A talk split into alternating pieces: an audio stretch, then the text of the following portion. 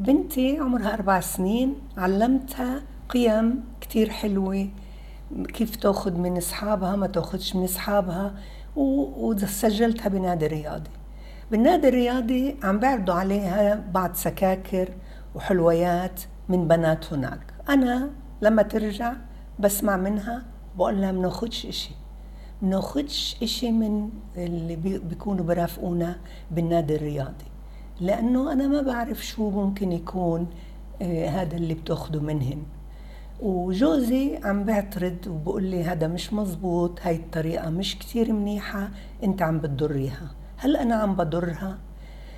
إيه أقول لك شيء كتير حبيت أول شيء سؤالك. وحبيت طريقتك في إنك أنت أول شيء كتير حطيتي مقدمة حلوة إنك أنت بتعامليها معاملة لذيذة وهي بتشاركك بكل شيء أنا كتير بقول مرات الكمال يعني بدنا كل شيء يكون على آه، تقريبا مية بالمية مثل ما بدنا. مش كتير هوين على الأطفال. الأطفال لازم تنحط بظروف اللي فيها مرات كتير رح مثلا ما تكونش لابسة جرسي ويكون في برد. كيف بدك تساوي؟ نفرض بيكون في شتاء ومعها شمسية بتقدريش تضمني وتضبطي كل العناصر المحيطة بطفلتك اللي هي كل عمرها أربع سنين. هي موجودة بين أطفال هن عايشين مع بعض بطريقة حلوة كتير في صداقات. ليش تتخليها إنها تكون غير شكل أو ينفروا منها؟ قولي لها وكثير ضروري تقولي لها أنا مركني عليك. لما بتحبي الإشي اللي بيعرضوه عليكي بتاخديه. إذا بتحبهوش بتاخديهوش. أنا مركنة عليكي إنك أنت هاي الصديقة اللي عملها بتلعب معاكي. أنت حبيتي تكوني معها. يعني كل قصدي من هذا الكلام إنه قاعدة بتعطيها المقود. قاعدة بتعطيها هي تسوق.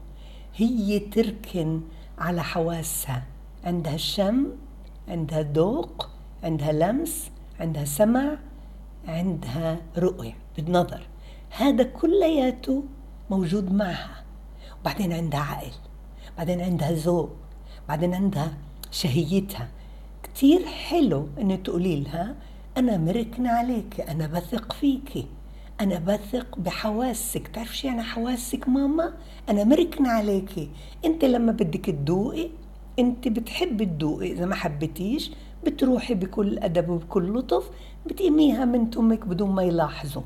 أما إنك تحطي قوانين عن بعد قوانين عن بعد كأنك حاملة ريموت كنترول وبتغيري محطات.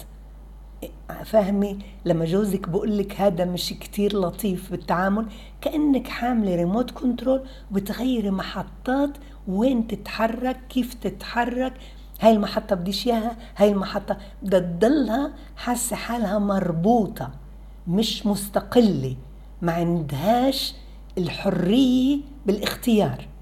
أنا بثق فيك أنا بركن عليك أنا بعرف إنك لما بتحبي بتعرفي ولما بتحبيش بتعرفي. أنت بتقرري ياي أربع سنين ياي الماما أعطتني أنا أقود أنا أقود وأعرف كيف أتعامل.